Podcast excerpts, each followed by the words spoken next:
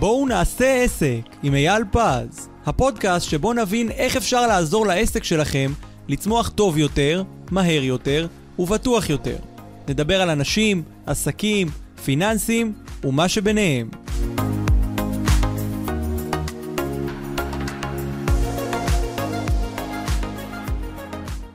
שלום לכם וברוכים הבאים לפרק חדש של בואו נעשה עסק עם אייל פז, היי אייל. אהלן אור, אז אה, מה שלומך? הכל טוב? ברוך השם, מצוין, נפלא. מעולה, מעולה, תשמע, אנחנו קצת דיברנו פה לפני הפרק, ונראה לי שהיום הולך להיות פרק מאוד מאוד חשוב. תמיד הפרקים שלנו חשובים, וכולם טובים וכולם מוצלחים, זה כמו ילדים, אי אפשר כן. לבחור איזה ילד יותר טוב, נכון. יותר אהוב, אבל יש לנו היום פה ילד מוצלח במיוחד, קנדידט לפרופסורה ב-MIT, כי היום יש לנו פרק מאוד מאוד חשוב לכל מי שהוא בעל עסק וככה רוצה לעבור לשלב הבא, למקפצה, למדרגה הבאה, וזה איך לחשב את עלות שעת העבודה של העסק. זה אחד הדברים הכי הכי אה, אה, קריטיים, כי אנשים לא באמת יודעים איך לחשב אותה, איך לחשב את ההוצאות הקבועות, המשתנות, את העלויות של העובד.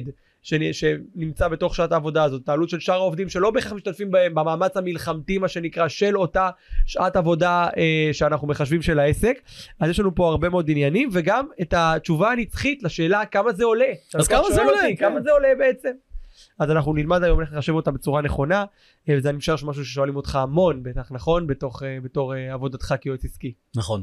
אז אפרופו, אני, דיברת על הפודקאסט הזה, הפרק הזה היום שהוא מאוד מיוחד. כל פרק הוא מיוחד, אבל הפודקאסט הזה, הפרק הזה, אחד היתרונות המרכזיים שלו שהוא יצר הרבה מאוד כסף להרבה מהלקוחות שלי. דרך אגב, בעיקר שעוסקים בתחום של שירותים. ופחות בתחום של מוצרים, למרות שזה גם מחובר לעניין של מוצרים, כי בסופו של דבר כשאתה נותן שירותים, הכל מאוד אמורפי כזה. כאילו, אתה יודע כמה עולה לך אולי, אה, לא יודע, אם העובד אה, עובד, אם אתה, שעת עבודה שלך, אבל יש הרבה מאוד אה, דברים שהם בעצם נסתרים. הרי כדי להביא את הלקוח, אולי נתחיל מזה, כדי להביא את הלקוח למצב שבסוף הוא יהיה לקוח שלך, יש הרבה מאוד תהליכים שאתה משקיע בהם כסף, ולא תמיד אנחנו מתמחרים אותם בתוך השעת עבודה. אה, אתה צריך לשווק את עצמך, אם זה ברשתות, אם זה לא ברשתות, אתה צריך לעשות הרבה מאוד פעולות, אתה צריך להשקיע מח- מחשבה, לעסוק בפיתוח עסקי, לאפיין מה בדיוק אתה רוצה למכור, הרבה מאוד פעולות שאתה רוצה לבצע, ובסוף כשמגיעה שעת עבודה אתה מתחר רגע כמה בעצם עלה לך. עכשיו זה פרדוקסלי, כי נגיד עורך דין, נגיד אדריכל, נגיד אה, אנשים שעוסקים במקצועות של שירותים, מקצועות של טיפול, מה בעצם עלה? הוא למד אה, חמש שנים, עשר שנים, עשרים שנה הוא עובד בזה. עכשיו מה הבעיה שהוא בא, באת אליו והוא נתן לך עצה, שאלת עורך דין, רגע מה הפתרון? והוא נתן לך בדקה אחת הפתרון. אז, אז, אז הוא עבד שעה? לא, הוא בעצם על פניו חמש דקות. אז איפה, למה לתמחר שעה? וחלק מהדילמות, או כמו שפרופסור דן אריאלי קורא לזה חוש הצדק, אומר רגע, אם עבדת דקה, על מה אני אשלם לך על השעה? והרעיון המרכזי שבגדול אתה לא משלם, אה, ל, ל, או מי שמשלם לבעל המקצוע, לא משלם עבור אותה דקה או עבור אותה עצה. בעצם הוא משלם עבור חוש, חוש הצדק שהוא מרגיש שפה נעשה, האם הוא נעשה, ולפעמים הוא רוצה לראות שזמן עבודה או נעשתה עבודה. ולכן חלק מהעניין זה להבין שאתה לא משלם על אותה דקה או אותו חמש דקות, אתה משלם על השלושים שנה שהבן אדם למד והתנסה והוא יודע בדיוק מה הוא צריך לעשות, כשאתה בא הוא נותן לך ישר את הפתרון. דרך אגב זה עובד גם בעולם של, אה, של מוצרים, של שירותים, של אה, בעלי עסקים, אפילו במוסכים, אוקיי? ולכן אנחנו, כשאנחנו רוצים לתמחר שעת עבודה, היתרון של זה, אני תמיד מדמה את זה, יש בשוק של עולם הנדל"ן, יש דבר שנקרא מחירון דקל. מחירון כזה שאומר כמה אם אתה רוצה לרצף כמה מטרים, אם אתה רוצה לשפץ, כמה זה עולה, יש לך מין איזה תעריפון כזה, ויש מחירון כמה זה עולה, וזה איזושהי נקודת ייחוס, זה איזשהו בנצ'מארק שבהתאם אליו אתה יכול לקחת את המחיר. אבל בעולם של שירותים, יש מחירון כזה? לא. אם מישהו עושה משהו אז אתה יכול אה, לדעת כמה זה עולה, כל אחד יכול לגבות כמה שהוא רוצה, אין תעריפון. וכדי להתמודד עם זה, זה בדיוק היום הפרק הזה בא לדבר על הנקודה הזאת. זה לא רק לדבר על הנקודה הזו, אבל גם, אתה יודע, אני חושב שהרבה מאוד בעלי עסקים נמצאים באיזה, חיים באספמיה, אני חושב, כל מה שקשור לתמחור שלהם. כי מצד אחד הם אומרים, בואנה, העסק עובד, אה, העובדים שלי עובדים, השירות ניתן, לקוחות מגיעים אליי למשרד, מקבלים את השירות, הכל עובד כמו שצריך, אבל הם מסתכלים גם בסוף על. דשבורד הזה שאנחנו מדברים עליו גם לפעמים פתאום רואים שהכסף לא מספיק, זאת אומרת לא מספיק נכנס לעומת כמות העבודה של העסק. כמות ההשקעה שמשקיעים. בדיוק, אז יכול להיות שיש פה איזה בעיה ולא מצליחים לפ... לפענח אותה, לפצח אותה בצורה מספיק טובה, ויכול להיות שהפרק הזה ומה שאנחנו מדברים כאן זו באמת הזדמנות שבה אפשר אולי להבין מה, ממה הבעיה מתחילה, כי יכול להיות שאנחנו מתמחרים בכלל לא נכון את נכון. העסק שלנו, אז ובגלל קודם זה כל מה זה שקורה. מתחיל, אתה צודק במיליון אחוז, כי הקטע של התמחור פה הוא קריטי. הרבה פעמים אנחנו מכניסים, או בעלי עסקים שנגיד עוסקים בשירותים, מכניסים רק את ההוצאות הישירות שיש. רגע, כמה זמן לוקח לי לשבת באולפן, כמה זמן לוקח לי אה, אה, לתת פתרון לבעיה, כמה זמן אה, אני צריך לעשות, וזה העלות. אבל זה לא באמת העלות, יש עוד הרבה מאוד עלויות שהן על פניו כאילו שהן עלויות נסתרות. כשאתה עסקת בשיווק של העניין, כשאתה עסקת בפיתוח העסקי של העניין, שעסקת בעוד גורמים שיעזרו לך לייצר את מה שאתה נותן. יש הרבה מאוד עלויות שצריכים לקחת אותם בחשבון. ובסוף, ואנחנו נגיע לזה בהמשך הפרק, כשנחשב את הכל ונחלק את זה בכמות שעות העבודה שאנחנו עובדים, נבין באמת מה שווי שעת העבודה. הרי מאיפה הקאץ' שאנשים אומרים, תשמע, אני עובד הרבה מאוד שעות, אבל אני לא מרוויח כסף. הרואה חשבון אומר שהעסק רווחי, אבל אני לא מרוויח כסף. אז זה, זה בגלל שמודל התמחור הוא שגוי. כי אם אתה לא מכניס את כל ההוצאות, ודיברנו על זה בפרק התמחור, אם אתה לא מכניס את כל ההוצאות, גם הוצאות שהן על פניו הוצאות נסתרות, שלא חשבת שזה הוצאה. נגיד הביגוד שלך, זה לא הוצאה? אה, אה, התספורת שלך זה לא הוצאה, זאת אומרת הרבה דברים שעל פניו אתה אומר, אה, זה מה, זה ביגוד זה ביגוד, או אה, תספורת זה תספורת, כן, אבל יש עוד הרבה מאוד פעולות. נגיד אם מישהו לוקח יועץ שיעזור לו לשדרג את ה mindset, או לא, יועץ שיעזור לו לטפל בצד של הייעוץ הפיננסי, או בייעוץ העסקי, או מישהו שיעשה לו רפלקסולוגיה כדי שהוא ירגיש עם אנרגיה מטורפת. מה, זה לא עלויות שגרמו לי- לייצר את ההוצאה? אם מישהו לקח, נגיד במדינת ישראל, אם אתה, יש לך עסק, ואתה אומר, רגע, אתה יודע מה, למה שהרבה נגיד נשים או גברים שרוצים uh, לעבוד מחוץ לבית, אז הם אומרים, טוב, אני צריך מישהי מטפלת לילדים הקטנים. אבל במדינת ישראל, נכון לעכשיו, זה לא הוצאה מוכרת, לקחת מישהי שתטפל בילדים הקטנים, ואתה יוצא לעבודה. אבל נעזור רגע מה שיקולי המס במדינת ישראל, אבל על פניו, אם אתה לוקח מישהי שתוכל לטפל לך בילדים הקטנים, בזמן הזה אתה יכול לצאת לעבוד ואולי להרוויח יותר, אז זה, זה חלק מהשיקולים שאתה צריך לקבל החלטה, מה העלויות האמיתיות של אותה שעת עבודה. מעולה, אז בואו נתחיל אה, לדבר על איך אנחנו עושים את זה, איך אנחנו מחשבים, מה מכניסים לתוך סל העלויות הזה שאתה אה, מחשב כשעת עבודה. התחלת כבר להגיד שכמובן הדבר ה-obvious, כמובן העלויות הישירות.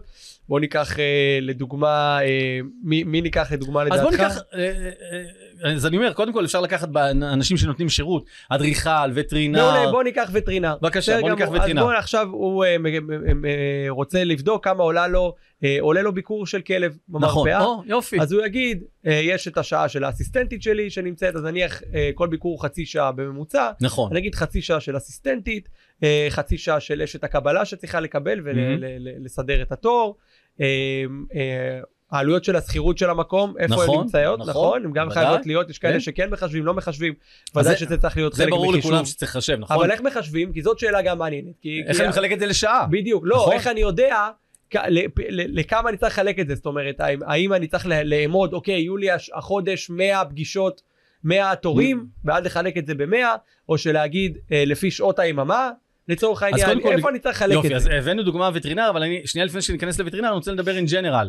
כי אם זה לא וטרינר ואצלו אין אה, נגיד אה, פגישות, איזה משהו שהוא נותן, אז אולי אנחנו לא יכולים לחלק את זה לכמות כלבים שמגיעים אליו לטיפול. אז לרגע נעזוב את הווטרינר, תכף נחזור אליו, אבל בשורה התחתונה אני רוצה לדבר על העיקרון. אז ברור לכולם שצריך להכניס את כל ההוצאות הקבועות, נגיד אה, השכר דירה וארנונה ודמי ניהול וניקיון וטלפון, אבל יש עוד הרבה דברים, וכמובן הוצאות משתנות, כן, אם אתה שוכר משהו, אם אתה נוסע לאנשהו, יש לך עוד הוצאות שאתה משתנות בהתאם לצריכה שלך. אבל יש עוד הרבה מאוד הוצאות שהרבה פעמים אנחנו לא לוקחים אותן בחשבון. האם יצא מצב שענית ללקוחות שלך בוואטסאפ? ברור. ענית להם במיילים? ענית להם לשיחות טלפונים? זה מחושב בשעת העבודה? איך או שזה קורה מחשבים את זה, מעצמו? אבל אייל, איך מחשבים את זה? או, אז השאלה הזאת היא, איך מחשבים את זה? על זה בדיוק היום הפרק. אבל שם המשחק הוא להכניס לתוך התהליך גם פעולות שאנחנו מבצעים, שהן על פניו לא קשורות לפגישה עצמה. אוקיי, נפגשתי עם הלקוח לשעה, סבבה? יופי. אבל היה דברים לפני הפגישה, היו דברים אחרי הפגישה. אז אנחנו, ככל שהזמן עובר, אנחנו צריכים להעריך כמה זמן ייקח לנו המעטפת של הפגישה. נניח שזה דורש עוד וואטסאפים לפני, ומיילים לפני, ומיילים אחרי, ווואטסאפים, או טלפונים, ושאלות להבהרה, או שלקוח רוצה לשלוח לנו איזה חומר שנעבור עליו, או שאנחנו צריכים לקרוא חומר טרום הפגישה, הלקוח שלח לנו חומר, ואנחנו רוצים להגיע לפגישה מוכנים. אנחנו צריכים לחשב כמה זמן עבודה ייקח לנו, בסדר? כמובן שיש איזושהי הערכה, אתה לא תמיד מדייק, אבל ככל שעובר הזמן, אתה כבר יודע הם, איזה לקוחות ידרשו יותר זמן, ואיזה לקוחות, לקוחות ידרשו פחות זמן, אבל גם את זה צריכים לחשב. נניח שיש עוד צוות שעובד, אוקיי, אתה עושה משהו, אבל גם הצוות שלך, נגיד אפילו פה באולפן שאנחנו מקליטים, אז יש עוד צוות, יש מישהו שמקליט, ויש מי שמפיק, ויש איש מכירות, ויש מי שמתעסק בניקיון של המקום, ויש עוד הרבה מאוד בעלי תפקידים, ואז צריכים לחשב את סך כל העלויות האלה, כולל אה, נגיד זמן עריכה, ואם מישהו לא, לא רצה את העריכה בצורה הזאת ורוצה עריכה בצורה שונה, כי למשל פה נעשית עריכה מקצועית באולפן, אז אני אפילו ממליץ על האולפן, מי שמוזמן לפרוקאסט. זה, תודה, זה אחלה תודה. מקום אני... להקליט, ואני מקליט פה. אתה לא. משוחד, כמו שאומרים. ואני בכלל, כן. כן. וגם אם אני משוחד, דרך אגב, אם בן אדם חס ושלום יש לו התקף לב, או אירוע לב, הוא צריך מנתח, אז הוא הולך למנתח הכי יקר, וכמובן הוא רוצה שייתן את הפתרון הכי טוב. אז מה, זה שהוא ייתן לו 20 אלף דולר, זה אומר שבגלל שהוא משוחד הוא לא מנתח טוב? אז זה שאתה נותן עצה זה לא אומר שבגלל שאתה משוחד זה לא אומר שהעצה לא טובה. זה נכון. אתה צריך תמיד לדעת מאיזה פוזיציה הבן אדם מדבר ולבחון אם העצה טובה. בקיצור אני אומר אם בן אדם עשה עריכה בסדר ועריכה הוא רצה אותה בצורה שונה אז אתה חוזר לעריכה שנייה נכון או, בנ... או מעצב גרפי אז נכון הוא נותן מספר סקיצות או מישהו שכותב תוכן נותן מספר סקיצות למרות שהיום דיברנו בפודקאסט בפרק הקודם על, ה... על הכותבי תוכן אז זה מסתדר לבד כן ה... היום כבר כן. כן אין בעיה לא אבל בסופו של דבר כל בעל מקצוע לפעמים עושה תיקונים עושה עריכה יש עוד דברים שנעשים. עוד שאלה שפתאום מתעוררת בעקבות תשובה. יועץ פנסיוני נותן, נותן פתרון ופתאום הלקוח שואל אותו, רגע, ואם היה במצב כזה, עורך דין לדיני צוואות, בסדר, יש הרבה מאוד שאלות שנשאלות, ולכן אנחנו צריכים להעריך עוד את סך העבודה שמסביב לפגישה, לא רק את הפגישה עצמה. אם אנחנו נכניס דיברנו על הוצאות קבועות, דיברנו על הוצאות משתנות, את זה כולם בדרך כלל מכניסים, אני מקווה, כן? זה אני מניח שאם מישהו שמע את הפרק על תמחור, זה כולם מכניסים. אבל בנקודה הזאת, כדי להעריך כמה שווה שעה אחת של עבודה, אני מציע לא להסתכל רק על השעה כסטנד אלון. נגיד לנסוע לפגישה לא לוקח זמן הפקקים לא לוקחים זמן הזמן שבו צריך להתייעץ עם מישהו אתה יודע נגיד אם מישהו שאל אותך איזושהי שאלה והאמת אין לך תשובה אתה באמת רוצה לבחון את זה באמת להתייעץ עם קולגה להתייעץ עם בעל מקצוע נוסף. אה, לא לא או מישהו שהוא אפילו לא בתחום שלך הוא שאל משהו ואתה יודע שאתה יכול להשיג לו את התשובה אבל התשובה לא נמצאת אצלך נמצאת אל מישהו שזה תחום המומחיות שלו. אז זה לא ידרוש עוד שיחה שאתה תעשה ואחרי זה תחזור ללקוח. יש עוד הרבה מאוד פעולות שצריך לבצע ואם נוסיף אותם בסדר? אנחנו נוסיף אותם פר עבודה, נגלה שבעצם אותה שעת עבודה היא לא באמת שעה, יכול להיות שהיא שעה וחצי, יכול להיות שהיא שעתיים, יכול להיות שהיא אפילו עשר שעות. ואז אם אני מחשב רק שעת עבודה רגילה, אז אני מתומחר פה בדפיציט של תשע שעות או של חמש שעות או אפילו של שעה, ולכן העסק לא רווחי.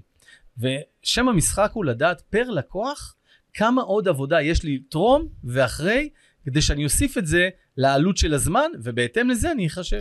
תראה, אבל אתה אומר פה משהו שיכול להיות גם, אה, גם קצת אה, אליה וקוצבה נאמר, כי עכשיו כל אחד יבוא ויגיד, עלייה, אוקיי? עלייה וקוצבה. עלייה, תודה. כן. נכון. עלייה זה השומן של הכבש, כן? יפה מאוד. ויש בקוץ, נכון? עלייה. כן. זה הורידו את האלף פשוט בחלק כן, מהמקומות. אבל זה עלייה וקוצבה, כך כתוב בהלכה. כן. אז uh, כשאנחנו מסתכלים על הדבר הזה, בסוף יכול לבוא בעל עסק ולומר לך, תשמע, Uh, אתה אומר פה דבר נכון, נכון? אני עושה פגישות, א', אני לא עושה עם כל הלקוחות שלי פגישות, אני לא נוסע לכולם, נכון. אז איך אני מחשב את הממוצע של הדבר הזה, mm-hmm. או מבין לכמה אני כן נוסע וכמה אני לא נוסע, ומה, עכשיו מישהו שאני אסע אליו אז אני אתן לו מחיר אחד, מישהו שאני לא אסע אליו אני אתן לו מחיר אחר, ומישהו שאני, אה, אה, נניח אצלי, לא צריך עריכות, אלא צריך עריכה אחת בודדת, אני אתן לו מחיר אחד, ומי שיבוא אליי לא יהיה מרוצה מהתוצאה, אז אני, אני אגיד לו, עכשיו זה עולה כסף כי ביקשת עריכה, זאת אומרת, יש פה איזשהו... ממוצע כזה שאני חושב שצריך להגיע אליו בשביל להבין באמת מה המחיר הנכון של שעת העבודה ועוד דבר נוסף זה גם להגיע למצב שלא שעת העבודה יקרה מדי ואז כל המודל העסקי של העסק הולך לפח כי אם עכשיו אני אה, חישבתי את העלות של אה, שעה פה באולפן בשעה אחת בלבד עכשיו אני חשב את זה לאור כל מה שאתה אומר פה בחמש שעות אז יכול להיות שכבר לא יהיה לי משתלם לעבוד לפי החישוב הזה. אז אמרת פה שלושה דברים שאני חושב שכדאי שנחלק אותם. אחד, יכול להיות ששעת עבודה יקרה מדי. המושג יקרה לא מוכר לי. אני לא יודע מה זה יקרה. אני יודע האם אתה נותן ערך או לא נותן ערך. אה, האם 100 אה, דולר זה יקר או זול? לא יודע. בשביל מסטיק כנראה זה יקר. בשביל מנה פלאפל 100 דולר כנראה זה יקר. אבל בשביל אה, טיסה הברית כנראה 100 דולר עשית את עסקת חייך. אז המושג יקר זה השאלה איזה ערך אתה נותן ביחס לאלטרנטיבות הקיימות באותו שוק. בסדר? זה הנקודה. כשאתה קונה תיק של מעצב על שעולה עשרות אלפי שקלים אז אה, מה, זה כזה מסובך אה, לשים תיק אה, שאתה קונה אותו בשוק ב-20 שקלים? מה ההבדל זה? זה מכיל את אותו דבר. כשאתה קונה רכב יוקרה שעולה מיליון, שתיים או שלושה מיליון, בשנה האחרונה, בישראל קנו 300, בשנת 2022, בישראל קנו 350 רכבים שהמחיר שלהם, המינימום הוא 2 מיליון שקלים, כן? 350 רכבים ב-2 מיליון שקלים. עכשיו אותם 350... בזמן שהכל פה מתייקר בצורה כאילו מטורפת. כן, אבל אם יש כן. לך, אז מה הבעיה? נכון. אז מישהו אז- מרוויח, אני כן, אומר. זה אולי- הכל אולי. זה אחד אה, בגלל השני. נכון, ולכן אותם 350 חבר'ה שקנו אה, רכב יוקרה מעל 2 מיליון, ש- 2 מיליון שקלים זה רצפת הבסיס, כן, זה גם כן. שלושה וארבעה, לפני שיבורים, שדרוגים, זה רק מחיר הרכב. אז מי שקנה את המחיר הזה, מה, הוא לא יכול לנסוע ברכב, אה, לא יודע מה, שעולה אה, 3,000 שקלים לפני גריטה? הרי הרכב יביא אותך מנקודה A לנקודה B, כמובן באיזה נוחות, באיזה בטיחות וכולי וכולי. אז שם המשחק זה קודם כל האם זה יקר או לא, זה, זה לא שאלה. השאלה אם אתה נותן ערך והאם השוק מוכן לשלם על הערך הזה. אם מכירים בך שאתה נותן ערך, הרי בסוף זה לא חשוב מה אתה חושב, חשוב האם השוק מכיר בזה, נכון? זה, אתה יכול להגיד מה שאתה רוצה. מה שקובע זה מה שהשוק חושב עליך, ומי יקבע מה השוק חושב עליך? רק אתה. זאת אומרת, אם תעשה פעולות שיווק נכונות, אם תמתג את עצמך נכון, אז השוק יגיד, בואנה, הוא באמת אה, אה, זה, הוא באמת שווה את זה, אז לכן שווה. אז הנקודה הראשונה, האם יקר או לא יקר. הנקודה השנייה שדיברת עליה, אם יכול להיות שאני אתעסק ואני אעשה במקום שעה, אני אעמיס חמש, חמש שעות, אז זה, בעצם זה יהפוך להיות ללא רנטבילי לאותו לקוח פוטנציאלי. זה נכון אם אתה מודד רק את שעת האולפן, זה נכון. אבל אם נניח אנחנו נותנים ערכים נוספים, נגיד אה, שאלת על העניין אה, אם אני נוסע או לא נוסע, אם אני עושה עוד עריכה או פחות עריכה. בסוף, שם המשחק שאנחנו צריכים לחלק, איזה סחורה אנחנו מוכרים. כי אם אתה נוסע למישהו, לפגישה, אם אתה בתל אביב ונוסע לפגישה בתל אביב, למרות שיש פקקים, כן, אבל עדיין, אם אתה נוסע בתל אביב זה לא כאשר אם אתה נוסע מתל אביב לרמת הגולן. אוקיי? זה דוגמה אחת. אם אתה עושה שיחת טלפון זה לא כמו שאתה נוסע, אם אתה עושה שיחה בזום זה לא כמו בשיחת טלפון, זאת אומרת כל דבר יש לו את השיקולים שלו. אם מישהו צריך פתרון שהוא לא רק פתרון של תשובה, אה, רק אה, את התשובה הזאת, או כן או לא. פעם מישהו התקשר אליי ואמר לי יש לי שאלה עקרונית, רק תגיד לי כן או לא, זה השאלה, אבל השאלה העקרונית היא באמת שאלה עקרונית. אבל התשובה היא לא תשובה עקרונית, אלא תשובה שצריכה להיות תפורה לפי המידות שלו. למשל, היא קשורה לכמות הילדים שיש לו, היא קשורה למצב, זה בעולם הפיננסי, כן? השאלה בעולם הפיננסי. היא קשורה לאם נשוי או לא נשוי, קשורה לגיל שלו, קשורה לעוד הכנסות נוספות שיש לו, קשורה אם הוא עצמאי או שכיר, קשורה לזה האם הוא גר באזור עם העדפת מס או לא, קשורה להעדפות סיכון שלו. זאת אומרת, התשובה, השאלה יכולה להיות פשוטה, אבל התשובה מורכבת. ולכן, למרות שמי שמחזיר בתשובה תמיד אומר, שאלות יש הרבה, תשובה יש רק אחת. אבל אנחנו מבינים שבעולם הפיננסי או בעולם העסקים הדברים מאוד מורכבים, וכדי לפשט אותם, אנחנו צריכים איזשהו כלל אצבע. בסדר? איזה משהו שהוא יהיה לנו איזשהו כלל אצבע. כמו אותו מחירון דקל שאמרנו בתחילת הזה. למשל, אם אתה אדריכל, אם אתה עורך דין, אתה צריך איזשהו מחיר כשבא אליך לקוח, נגיד רוצה, בא לקוח לאדריכל, אומר, תשמע, אני רוצה שתעצב לי את הבית, תבנה לי אותו, תייצר לי אותו. אתה בעצם צריך, בדייט הראשון די, לש... נגיד שהוא התלהב, ראה דוגמאות של פעולות שעשית, אבל עכשיו שהוא בא אליך, הוא לא מצליח להבין איך יכול להיות שאתה רוצה כל כך הרבה כסף, עבור מה? רק שתשרטט לו את הבית? אבל מסתבר שזה כנראה לא רק לשרטט, זה צריך ללכת לעירייה, וצריך ללכת לשטח, וצריך לעבוד עם בעלי מקצוע נוספים, שלתכלל אותם בתוך העבודה, וצריך לשרטט, וצריך אחרי זה לעשות איתו כמה סקיצות, ולראות את העדפות שלו, והעדפות של אשתו, כנראה שהן לא זהות, כל אחד יש לו רצונות שונים. ככה שבסופו של דבר יש פה הרבה מאוד עבודה שנעשית כמות שעות העבודה. ולכן אם בממוצע אתה יודע שנגיד אה, בית ממוצע, ניקח אדריכל כדוגמה, תכף נלך אפילו לווטרינר שהבאת. אז אם אדריכל ממוצע יודע שכמות שעות העבודה היא בערך 200, בסדר נניח, או 300 או 400, תלוי מה, או 50, תלוי מה הגודל, אם זה רק שיפוץ אולי ולא בנייה וכולי. אז שם המשחק הוא אומר, אוקיי, זה ייקח לי, זה נפח העבודה, אוקיי, כמה כסף אני צריך, באותו זמן אני צריך לעבוד. עכשיו יש שעות שהן שעות פרונט מול הלקוח, ויש שעות שהן שעות בק אופיס. למשל, אה, אני מלווה סוכנות ביטוח מאוד גדולה.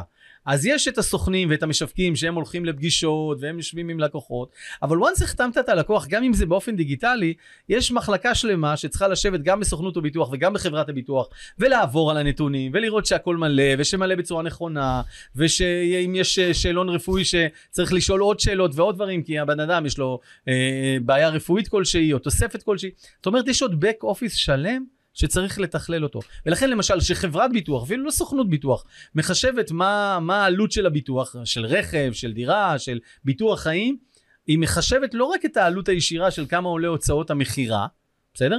אלא גם עלויות נוספות, יש לה להחזיק את הבניין שלה, ויש לה להחזיק את הבק אופיס שלה, ואת האקטואר שלה שמחשב. זאת אומרת, יש פה הרבה מאוד גורמים שגורמים לזה שבסוף יהיה את הדבר הקטן הזה. לכן היום בבוקר ששתית את הכוס קפה, אתה שותה קפה, נכון? אחד ביום. אחד ביום, כן. אז uh, אני כמי ששותה תה, אבל זה על אותו משקל, כנראה שלא הלכתי לקטוף, לגדל את, ה- את העלים. לא היום. לא היום. ביום שבת, כן. אתה יודע, הולכים למטע ליד ו... כן, לא קוצים בשבת, וקוטפים. אסור, זה איסור, אה, אחד אסור? מ-39 אם הולכים מלאכות. ברגל אבל? כן, אבל זה אחד מ-39 אם מלאכות, זה אסור לקטוף. להנאתי האישית. טוב, אנחנו. נעשה זה בהזדמנות נעשה שאלת בפרק, רב, כן. בדיוק, בוא... אבל זה. השורה התחתונה, אנחנו לא נגדל את העצים, ואנחנו לא נקטוף, ואנחנו לא נייבש, ואנחנו לא נקצור, ואנחנו לא נכניס את זה לתוך שקית, ונשלח למפעל, וזה... בסוף כולה אנחנו רוצים לשתות כוס תה, לשים את השקית ולשתות. או רוצים את כמה פולי קפה ולשתות, לא נק- נקלה אותם וכולי. אז בסוף כדי שזה יהיה את אותה כוס קפה, הרבה מאוד אנשים עבדו כדי לייצר את זה. כדי שיהיה את אותו פודקאסט שאנחנו מקליטים, הרבה מאוד אנשים גרמו לזה שזה יקרה. בהחלט. ולכן בסופו של דבר גם כשבן אדם עושה נותן שירות ייעוץ עסקי ייעוץ פיננסי ייעוץ אדריכלי וטרינר הרבה מאוד גורמים גורמים לזה שבסוף זה יקרה ולכן אנחנו צריכים להגיע למצב של כלל אצבע וזה בעצם הנקודה שאני אני רוצה שנתמקד בה היום בפודקאסט. אנחנו חייבים שיהיה לנו כלל אצבע למה שווה שעת העבודה שלנו. אם בענף שלנו שעת עבודה שווה x הרבה פעמים מחשבים את שעת ה-x הזאת רק לפי העלות של זמן העבודה האמיתי אבל אמרנו שיש עוד מלא אנשים שתמכו כדי שזה ייווצר, ולכן השעת עבודה לא יכולה להיות X. היא חייבת להיות מתומחרת עם כל הזה, וחייב שיהיה לנו כלל אצבע. ואז אם אני יודע ששעת עבודה שלי היא לא שווה X, היא שווה 3X, ואני יודע שיש כמה שעות עבודה, בסך הכל, נגיד אם זה אדריכל, אם זה וטרינר, אם זה עורך דין, אז זה התשובה שהוא צריך לתת, כמה תעלה העבודה. מעולה. אה, בוא נדבר עכשיו שוב על... בוא, בוא נגיד ככה, אתה יודע, יש לא מעט אנשים ו, ו, ולקוחות שמתקשרים אלינו בשיחת מכירה, ואז שואלים אותי את השאלה הנפלאה הזאת, בערך, כמה זה עולה בערך הדבר הזה? כן. יש, מה, מה אני עונה על הבערך הזה? כן, אז קודם כל, אה, בגן של הבת שלי, הגננת אמרה, אמרה לה שלבערך אין כל ערך. אבל יפה, אני צריך להשתמש בזה כן, גם. לבערך אין כל ערך. אחלה. בערך, כמה עולה בערך חליפה ליתום? כמה עולה, כמה עולה רכב? אז תראה, המילה בערך אה, זה, אבל מה שבעצם הלקוח מבקש לדעת זה לא את המחיר המדויק. כי גם הוא מבין שיש שונות גדולה בין לקוח ללקוח. זה לא איזה מוצר שהוא mass production, שאתה קונה, אה, לא יודע מה, פחית של שתייה מוגזת, אז יש אה, טווח מחירים מסוים, שרוב השוק עובד לפיו. אבל ככל שאתה נותן שירות שהוא ייחודי, ככל שבתחום שלך, אתה צריך לתת טווחים. בין לבין, בסדר? ברוב האנשים שאתה אומר להם בין לבין, בדרך כלל מה הם ייקחו? איזה סכום שכנראה זה המספר שזה, בדרך כלל ייקחו את הסכום הנמוך. אם אמרת שזה יעלה בין 50 אלף ל-100 אלף, הם יניחו שזה כנראה יעלה 50 אלף. והתפקיד שלנו, לעזור לאנשים להבין את הטווחים, ועדיין לא להגיע למספרים שאחרי זה שנחלק את זה לכמות שעות העבודה שאנחנו צריכים אה, לעבוד בשביל אותו לקוח, יצא פחות ממה שאנחנו, עלות הייצור שלנו, והנה העסק מפסיד. והתפקיד של עסק הוא לא לגלגל כסף. אנחנו לא גלגל. אנחנו צריכים להרוויח כסף. אם מישהו הקים את העסק שלו בשביל לגלגל כסף, זה לא התחום. התפקיד שלנו, של עסק, הוא, הוא מעבר לשליחות והכל, הוא חייב להרוויח כסף. אם עסק לא מרוויח כסף, הוא לא ישרוד לאורך זמן. לגמרי. אה, בוא, התחלנו קצת לדבר על זה קודם, אבל לא הרחבנו על זה טיפה, על עניין הוותק והניסיון. אתה יודע, דיברנו על זה, אה, יש את המשפט המפורסם שבדרך כלל אומרים על אה, צלמים. אה, ש- שאומרים אה, לצלם, אה, מה אתה רק עושה לי שני קליקים, למה זה כולה צריך זה לעלות? קליקים, מה הבעיה? כן, למה צריך עוד 2,000 שקל? אז הוא אומר, זה תוצאה של ה-20 שנה כדי שאני עושה לך בקליק אחד מה שלקח לי 20 שנה ללמוד. אז, נכון. אז איך אנחנו באמת מחשבים את הדבר הזה, את הוותק, את הניסיון, את, ה, את הידע שצברנו לאורך השנים בתוך עלות התמחור שלנו? נכון. אז בוא ניקח את עולם השכירים רגע כדוגמה. אם אני מתכנת שכיר, אז כנראה שהמשכורת שלי תהיה X. ואם אני מתכנת אחרי חמש שנים וצברתי ניסיון, אז זה X כפול אה, אחד וחצי או כפול שתיים, ואם אני כבר אחרי עשר שנות ותק ואני מאוד מנוסה וזה, זה יכול להיות X כפול ארבע, אפילו או כפול חמש. שם המשחק זה מה הערך שאתה מביא, כי בסוף הניסיון זה לא שעות מנוע. נגיד אם מישהו עשה רישיון על על אופנוע ובחיים לא נהג באופנוע, אחרי עשר שנים יש לו עשר שנות ניסיון? לא. לא, יש לו רק עשר שנים שיש לו את הרישיון, אבל זה לא אומר שיש לו ניסיון. נכון. אז הניסיון שלו הוא נמוך, ולכן אם הוא יעלה בפעם הראשונה לאופנוע, הוא כמו נהג שעכשיו אה, למד, ועוד אפילו פחות, כי הוא לא למד עכשיו, הוא למד לפני עשר שנים. נכון. לכן שם המשחק אנחנו צריכים להבין האם הוותק שלנו יש לו ערך. אנחנו, אנחנו צריכים להבין לעצמנו לפני שאנחנו מוכרים את הסחורה הזאת ללקוח. מה המשמעות של הוותק? למשל, לקחת צלם, הצלם יודע לא רק ללחוץ, ללחוץ על הכפתור זה גם ילד בן שנה יודע ללחוץ על הכפתור. החוכמה זה לדעת מאיזה זווית להסתכל, באיזה צמצם לעשות, לעשות זום אין, לעשות זום אאוט, איך לחבר את האנשים שכולם יצטיימו ביחד, איך לגרום להם לחייך, איך לייצר מצב שזה ייראה אותנטי ואמיתי, כי בסוף מה נשאר מאירוע? מה שנשאר מאירוע או מזה, זה, זה, זו החוויה, בעצם התמונה היא החוויה, ולכן האירוע עצמו עובד.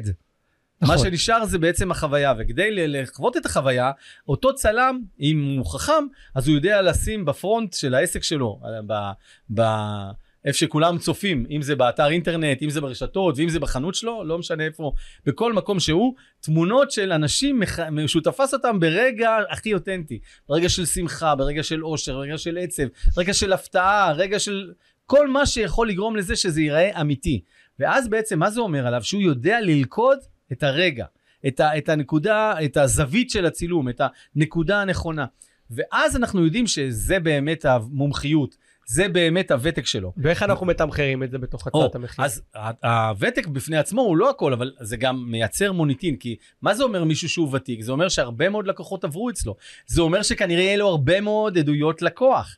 שם המשחק, הרבה פעמים, אנשים הרבה פעמים עובדים, עובדים, עובדים, עושים עבודה טובה, אבל לא טורחים לקחת עדויות מהלקוחות שלהם. עכשיו, לקוחות חדשים יקנו בהתאם לכמות העדויות של הלקוחות הוותיקים, כי הם המדד. זה שאתה תגיד שהסחורה שלך טובה, אתה יכול להגיד עד מחר וזה בסדר, אבל אתה מדבר מפוזיציה, אמרנו בתחילת הפרק. להגיד אבל שאחרים אומרים שאתה עושה עבודה טובה, מה זה אומר? ואם זה לא אחד ולא שתיים, אלא הרבה מאוד אנשים מעידים עליך שאתה עושה עבודה טובה, זה אומר שאם אתה עושה עבודה טובה, אז, וגם אומרים את זה עליך, כנראה שזה אמיתי. ולכן כשתרצה לגבות, האלטרנטיבה לשלם יותר יהיה למישהו שיש לו יותר עדויות שאומרים שהוא טוב. המוניטין שלו, הוודאות לתוצאה, הרי בסוף מה הלקוח מחפש? הלקוח שרוצה לקנות מאיתנו סחורה, ולא משנה מה הסחורה, גם אנחנו כלקוחות מחפשים ודאות לתוצאה. שזה יהיה מה שחלמנו, שזה מה שיקרה ואפילו יותר. אם, אם נצליח להביא את המסר הזה ללקוחות שלנו, נגיד אה, אה, עורך דין שרוצה, שהלקוח שלו רוצה ודאות לתוצאה, דיברנו על אה, תחום הצוואות, אז מה בעצם אומר אבא לעצמו כשהוא כותב צוואה? הוא רוצה שאחרי שהוא הולך, שיהיה לילדים שלו בדיוק מה שהוא רצה שיהיה. מה רוצה האדריכל, או הלקוח של האדריכל? רוצה שהבית יראה כמו בדמיון שלו, כמו שהוא חלם. וזה התפקיד שלנו, לייצר את התוצאה הזאת ללקוח, ובדרך זה אנחנו יכולים לגבות יותר כסף. בדיוק, אז אין לנו איזשהו מדד עכשיו לומר אה, על אה, חמישה, ח- חמש או עשר שנות ותק, אתם יכולים לגבות כך וכך. אין לנו את הדבר הזה, אבל לא, כן לא אפשר לש... לומר, זה לא בהתאם לשנים. אבל כן, או, או הניסיון או כמות הלקוחות או לא משנה, אבל מה שאפשר לומר זה שכשאתה יכול להוכיח יותר אה, אה, אפשרויות ומצבים שבהם אתה יודע לספק את התוצאה כמו שצריך ויודע לעשות תוצאות מקצועיות וטובות, ככה אתה יכול לגבות יותר כסף. זה משהו שהוא כל אחד באמת בהערכה נכון. האישית העצמית שלו. אמת, הבאת צלם כדוגמה, מה הבעיה לקחת היום את הסלולרי שלנו ולצלם איתו, נכון? נכון. אתה יודע מה, אפילו לא אתה תצלם, מישהו תיתן לו שהוא יצלם אותך. ויכול שיצאו תמונות טובות, אבל גם יכול להיות שלא. נכון. אלא מה? את הרגע אי אפשר כבר להחזיר. בדיוק. את אותו רגע של שבירת הכוס, את אותו רגע של החיבוק, את אותו רגע של, ש, שנוצר החיבור הזה, אי אפשר להחזיר. ואז מה תעשה? תעשה את זה עכשיו, זה יהיה כבר מאולץ, אוקיי? ת... כדי שזה לא יקרה, אנחנו חייבים לתפוס את הרגע באותו שנייה, הוא צריך להיות בעמדה בדיוק ברגע הנכון, דיברנו נכון. על הצלם. נכון. ולכן, אם אנחנו מצליחים להראות ללקוחות שלנו, כן, נגיד מי שצלם, מצליח להראות ללקוחות החדשים, שהלקוחות הוותיקים, זה בדיוק מה שהם אומרים, או זה התמונות שאנחנו מראים, אז הוא מרגיש הלקוח הקיים שיש ודאות לתוצאה. ולכן התהליך הזה שאנחנו מאפשרים ללקוח החדש להרגיש מה הוא יקבל, מה הסחורה, אנחנו בעצם מעבירים אותו מטרמופוזה בעתיד. זאת אומרת, הוא עכשיו נמצא כאן, נגיד דיברנו על אדריכל, עכשיו עוד אין בית, רק באתי, טוב, ת- תבנה לי את הזה, תשרטט לי את הבית. אם אני מצליח להראות ללקוח שלי על ידי הדמיה, הדמיה ממוחשבת, הדמיה בשכל, הדמיה בהרגשה, ולהביא אותו למה קורה יום אחרי שהוא נכנס לבית שלו, שזה יקרה בכלל בעוד שנתיים או שלוש, אם אני מצליח להביא את התובנה הזאת, את ההרגשה הזאת, את התחושה הזאת ממה שיקרה בעוד שלוש שנים, והוא יגיד וואי, יואו, זה בדיוק, זה בדיוק מה שחלמתי כל החיים לבית הזה. אם אני צריך להביא את זה עכשיו, שהוא יושב במשרד של האדריכל, והוא מרגיש והוא מבין מה הוא עומד לקבל, תהיה עסקה. מדהים. ולכן יש חמישה כללים שצריך להקפיד עליהם כדי לתמחר נכון את שעת העבודה. חמישה כללים אני אוהב, אני אוהב דברים מסודרים. אוהב יאללה, מסודר. בוא, בוא נתחיל יאללה. בראשון. הראשון, אנחנו חייבים לתמחר את עצמנו ברמה שאנחנו נרוויח כסף, לא פחות מהמינימום שקבענו עבור השירות שלנו. אמרנו שאנחנו חייבים לקבוע מה השעה, השעה זה לא רק השעה שלנו, אלא גם כל המעטפת שלנו. אנחנו צריכים להעמיס על אותה שעה. להעמיס את התקורה, אוקיי? זאת אומרת, זה לא רק כמה עלה לי באמת רק לי, אוקיי, זה לא רק אני, יש עוד מעטפת שלמה שגרמה לזה. למשל, אם אה, יצרנו מצב שבו אה, יש אה, פרסום ברשתות בכמות כסף מסוימת בחודש, ואני יודע שבסך הכל אה, בחודש אני עובד איקס שעות, אז אני מחלק את כמות ההשקעה בר... שפרסמתי, ברשתות, לא ברשתות, לאותה כמות עבודה שאני עושה בחודש, ואז אני, זה הוספה אחת, מעבר להוצאות הקבועות והמשתנות. אם אני יודע שכל שעת עבודה, יש עוד, אחרי זה עוד עבודה, או לפני זה עוד עבודה, אני צריך לחבר גם את הזמן הזה ולהעמיס על השעה. ואז אני יודע באמת כמה אני אמור לגבות. זה המחיר בסיס, זה הכלל האצבע שאני צריך להרים, זה, אני יודע שזה כלל האצבע, זה המחיר. אני יכול להחליט שאני אגבה יותר, אני יכול להחליט שאני אתן הנחה, אבל זה המספר שעליו אני יודע כמה עולה שעת עבודה. מעולה. כמה זה עולה בערך, כן? דיברנו על הבערך. אז זה הנקודה, אתה יודע, יש... מספרים שבא פעם יהודי לרבי מלובביץ' ואמר לו שהוא לא יודע מה, כמה לעשות ככה ואיך לעשות ככה וכאילו בעולם שלנו במודל של תמחור. ואז הרבי אמר לו תשמע צייר לי עיגול. אז הוא צייר עיגול, אמר לו תגיד העיגול מושלם? אמר לו לא בערך. אמר לו אתה יודע מה צייר עוד עיגול. והוא צייר עוד עיגול יצא לו כזה אובלי מושלם? לא לא עיגול מושלם. עוד עיגול לא מושלם.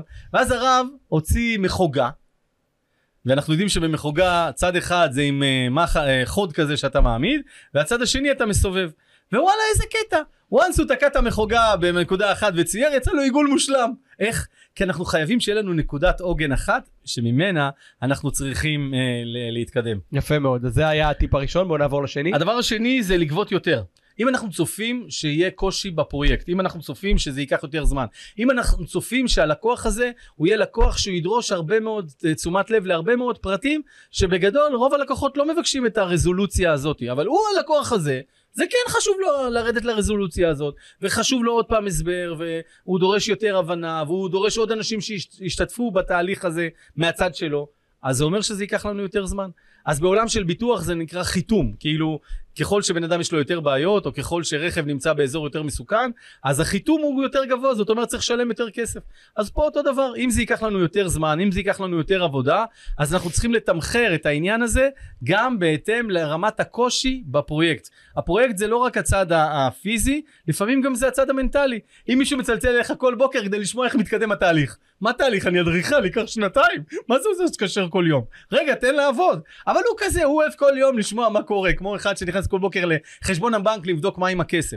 אז אתה יודע שמישהו, אה, אם אתה רוצה אותו כלקוח, אתה צריך לתמחר את, ה, את העלות הזאת. תרשום לך פרק על איך להבין שלקוח כזה הוא לקוח כזה, כי אה. לא תמיד אתה מצליח לזהות את זה ב- בשיחת מכירה, באינטראקציות הראשוניות, ולפעמים אתה כבר הרבה לעומק הפרויקט, שנתת כבר מחיר מסוים, שאתה פתאום מגלה שהלקוח מגלה, הוא כזה. כן. תרשום לך, זה כבר, זה פרק שאני אשמח אה, גם לשמוע וגם לעשות אותו. בכיף. אה, הדבר השלישי, לשלישי, יופי, כן. הדבר השלישי זה שאנחנו חייבים לרדת לפרטים בשלב הראשוני. זאת אומרת, לפני שאנחנו מתחילים את התהליך, אנחנו חייבים לרדת עם הלקוח לפרטים. למה חייבים לרדת לפרטים? כי יש פה ציפיות. יש את הציפיות שלנו, אבל יש את הציפיות של הלקוח. ואנחנו צריכים לייצר מפגש בין הציפיות האלה. ולפעמים יש פער גדול בין מה שאנחנו אומרים שניתן ללקוח, לבין מה שהלקוח ציפה. יכול להיות שהלקוח ציפה אה, משהו מאוד מאוד מאוד מורכב ומאוד זה, ואנחנו בכלל חשבנו שזה משהו יותר בסיסי, ואין שום קשר בין הציפיות שלו לרמת התמחור שנתנו, וזה לעולם לא ייפגש, ומפה המתכון לקלאש.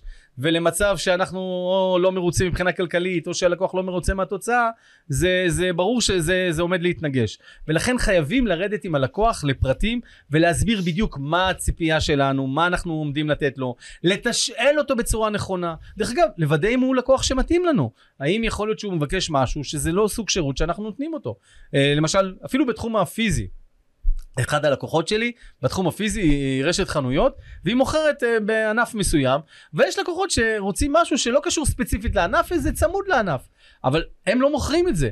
אז חלק מה, מהלקוחות היו מתרכזים ואומרים בואנה למה אתם לא מוכרים את זה מה זה למה אנחנו לא מוכרים את זה? אנחנו מוכרים רק את זה. לא מוכרים דברים אחרים אנחנו יכולים למכור הכל. אבל שם המשחק זה שאתה מוכר משהו שאתה החלטת אסטרטגית ולכן צריך לעשות תיאום ציפיות ולרדת לפרטים עם הלקוח. זה משהו סופר חשוב, כן, לגמרי. אני יכול להגיד לך שה... גם השקט הנפשי שלי האישי וגם העבודה מול הלקוחות השתפרה משמעותית כשהחלטנו אה, ולא היינו עושים את זה בהתחלה ממש לתת תנאי עבודה אולטרה מפורטים. כאילו אם היינו פעם כותבים ברמה של יש את זה ואת זה ממש עכשיו כל מי שעובד איתי מקבל מסמך מאוד מאוד מאוד מפורט עד רמת הבורג של מה הוא מקבל ממני, וזה באמת שינה את העבודה, בעיקר פה לצוות שלא צריך להתמודד עם הרבה מאוד דברים שהם הוא צריך להתמודד איתם קודם, כל מיני אה, אה, אה, חוסר תיאום בציפיות, ולמה זה ככה וזה לא ככה וכאלה, אבל ברגע שאתה נותן מסמך מאוד מאוד מסודר, אז הצד השני מבין בדיוק מה יש, וגם אם לא, אז אתה מפנה אותו, הנה, אתה רואה פה בסעיף 6, אני...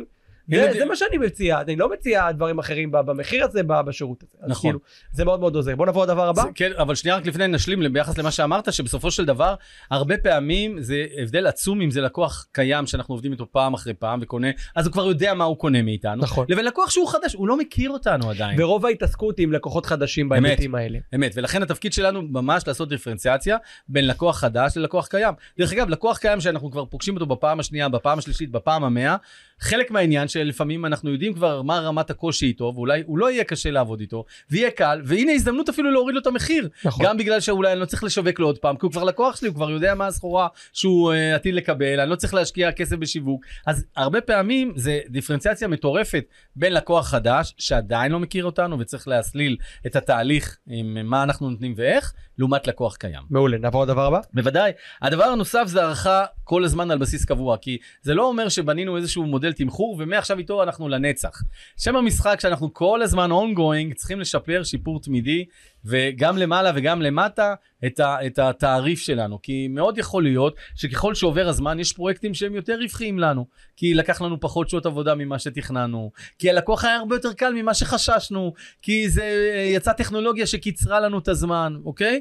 לעומת זאת יש פרויקטים שחשבנו שזה ייקח פחות שעות, אבל הלקוח היה הרבה יותר מורכב, פתאום התגלה קושי במהלך העבודה, אה, פתאום יש אה, בעיה בצורה של המוצרים שרצינו להכניס לתוך המערכת, וכרגע זה אי אפשר כי יש בעיה ביבוא, כי עלה המחירים, יש הרבה מאוד שונות, ולכן אנחנו כל הזמן ongoing צריכים להעריך את הפרויקט שלנו, את מודל התמחור של פר פרויקט, ובהתאם לזה כל הזמן לשייף את המודל של שעת העבודה שלנו. מעולה, והאחרון, אחרון חביב.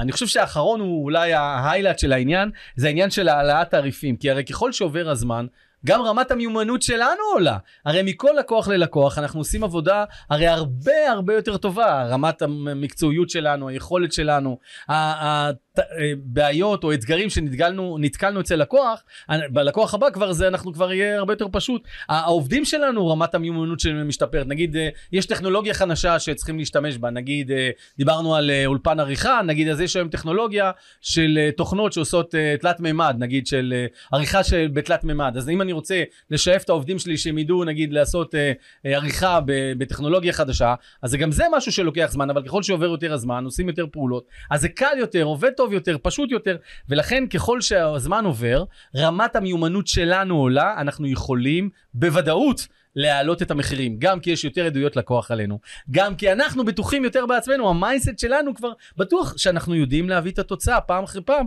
אז אין שום בעיה שאם אנחנו נותנים יותר ערך, לגבות על זה יותר כסף. מדהים, מדהים. אז תשמע, יש פה חמישה טיפים מעולים, שרק, תשמעו רק את השש דקות האלה ולא את כל הפרק, כבר תקבלו מלא ערך, אבל כמובן שתשמעו הכל, אה, והגעתם עד לכאן, אז, אה, אז אין לכם ברירה. אה, אייל פז, המון המון תודה על הפרק הזה. בכיף. תודה רבה גם לכם. נתראה בהצלחה. בפרקים הבאים, בהצלחה לכם. ביי ביי.